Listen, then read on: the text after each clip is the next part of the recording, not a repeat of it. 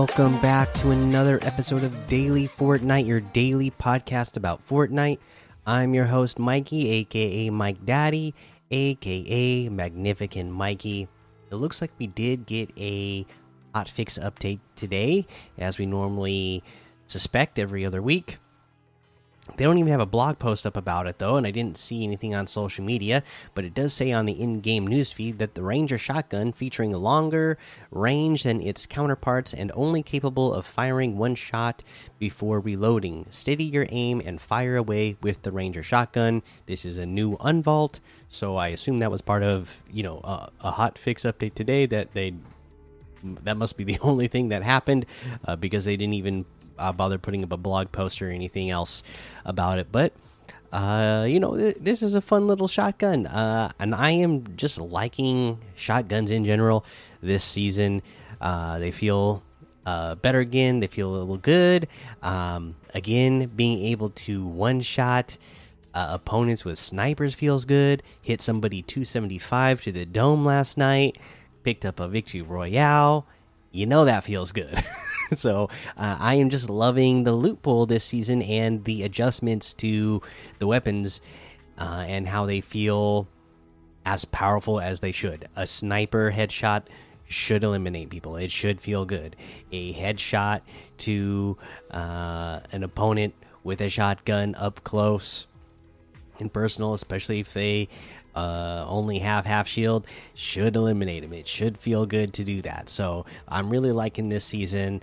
Uh, you know, for me, just based on those things, it's one of the better seasons in a while. Just because the weapons feel like I expect them to feel. There was a couple seasons there where, you know.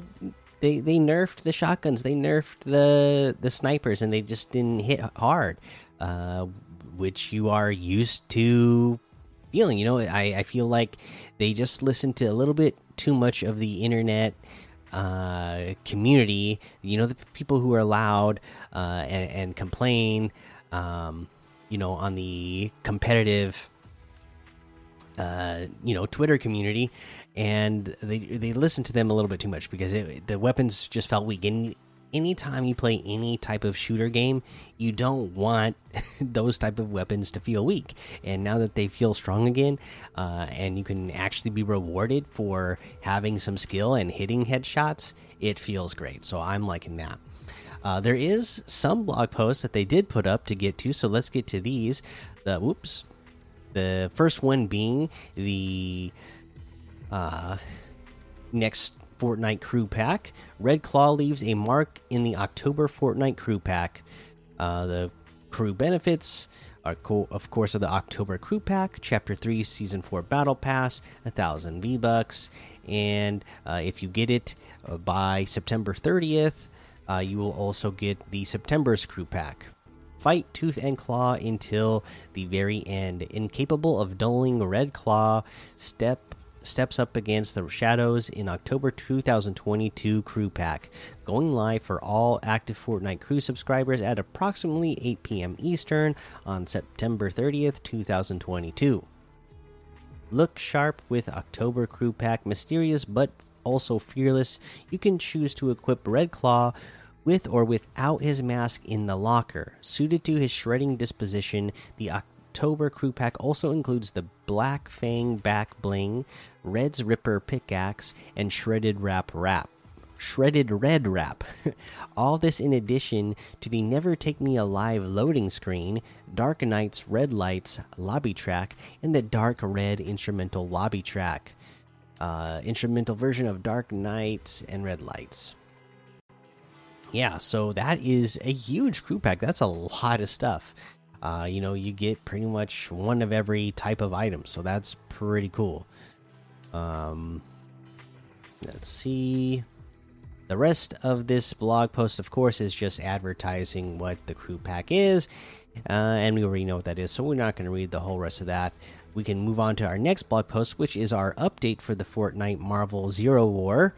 Um, here is the latest update on what's going on with those comics uh, here's a look at the Fortnite cosmetic item associated with issue number 5. The Zero War loading screen, issue number 5, releases on September 28th. Uh, those who redeem all five codes associated with the Fortnite Marvel Zero War issues will immediately unlock the Iron Man Zero outfit. Plus, the Repulsor Pack back bling, Bladed Gauntlet pickaxe, and the Iron Man revealed emote. This outfit, back bling pickaxe, and emote will also be available for purchase in the item shop starting September 28th at 8 p.m. Eastern. And honestly, it does look pretty cool. So if you've been picking up the comics, and I have not been picking up these ones, I you know when they did the Batman ones, I picked up those. Uh, I haven't been uh, picking up these ones. Uh, you know, I just haven't had time for uh, comics or anything. But I gotta say that these outfits, uh, the um, Iron Man Zero outfit, looks really cool. All right, and that's the news for today. That's your updates on those things. Let's go ahead and take a look at some LTMs that we can play. Let's see what's in the trending section today. We have Pro Parkour Run, the Parkour Death Run 200, the Back Rooms, Horde, Horde Night Zombie City, 28 Days to Survive, Popular 150 Levels Death Run, Bumper Cars, 198 level default death run, Hotel Azteca, The Tire Wars. Of course, there's a whole lot more to be discovered in the Discover tab. If I remember correctly, we completed all of these quests. Yeah, we're, we're all up to date on the quest, so let's head on over to the item shop and see what's in the item shop today. Lots of good stuff, I'm sure. Um, Cypher PK bundle, Balenciaga items, the Queasy Locker bundle, all still here. And today we have the Princess Felicity fish outfit with the Flutterfish backbling for 1,200, Scarlet Defender outfit for 800, the Llama Bell emote for 800, Lock It Up emote for 200, the Sea Scorpion harvesting tool for 500, my Idol emote for 200, the Jam Junction bundle. Uh, this will include the Bellberry outfit, Bro Senberry back bling, Maceberry Mauler harvesting tool, the Berry Sweet wrap, all for 1,700, which is 600 off the total. This must have been one of the ones uh, that came out while I was taking my break after my twins were first born because I don't even remember seeing this. It came out last season, so that would make sense because I don't remember this one. And uh, obviously, my twins were born during the last season, and I took that like what two months off or whatever. So this must have released during that time period. I really like this one. This is pretty cool. Um. You can get them separately, of course. The Bellberry outfit with the Bro Senberry backblings 1200. The Maceberry Mauler harvesting tool is 800. The Berry Sweet wrap is 300. We have the Hit Squad bundle, the Siren outfit, Last Kiss back bling, Wolf outfit, Pelt Pack back bling, Exo Axis harvesting tool, and the Reflex Blades harvesting tool all together for 2,400, which is 1,300 off the total. The Siren outfit with the Last Kiss backbling itself is 1,200. The Wolf outfit with the Pelt Pack backbling is 1,200. Exo Axis harvesting tool is 800. The Reflex Blades harvesting tool 500. Uh, we have the Shadow Strike pack. Shadow Archetype outfit, Dark Paradigm back bling, Night Gunner outfit, Night Bag back bling, Mecha Team Shadow outfit, and the Jet Shadow Jet Set back bling all together for 2,800, 1,700 off the total. The Mecha Team Shadow outfit with the Shadow Jet Set backblings 1500. The Shadow Combo Cleavers Harvesting Tools 800. The Night Gunner outfit with the Night Bag backblings 1500. The Shadow Archetype outfit with the Dark Paradigm backblings 1500. The Shadow Caliper Harvesting Tool is 500. And we have the Ripley and Xenomorph bundle. This will include the Xenomorph outfit, Xenomorph tail back bling, Ellen Ripley outfit, Weyland-Yutani cat carrier back bling, the Xeno Slurp loading screen, and the Xeno Menace emote, all for 2,200, which is 900 off the total. This is one I love. I don't own it currently. I remember at the time I would have gotten it, but my son Blaine wanted it so bad that the V Bucks I had, I used it to give gift it to him. But man, uh, you know, Alien, Aliens, uh, some of my favorite movies of all time. So I absolutely love this set. Looks great.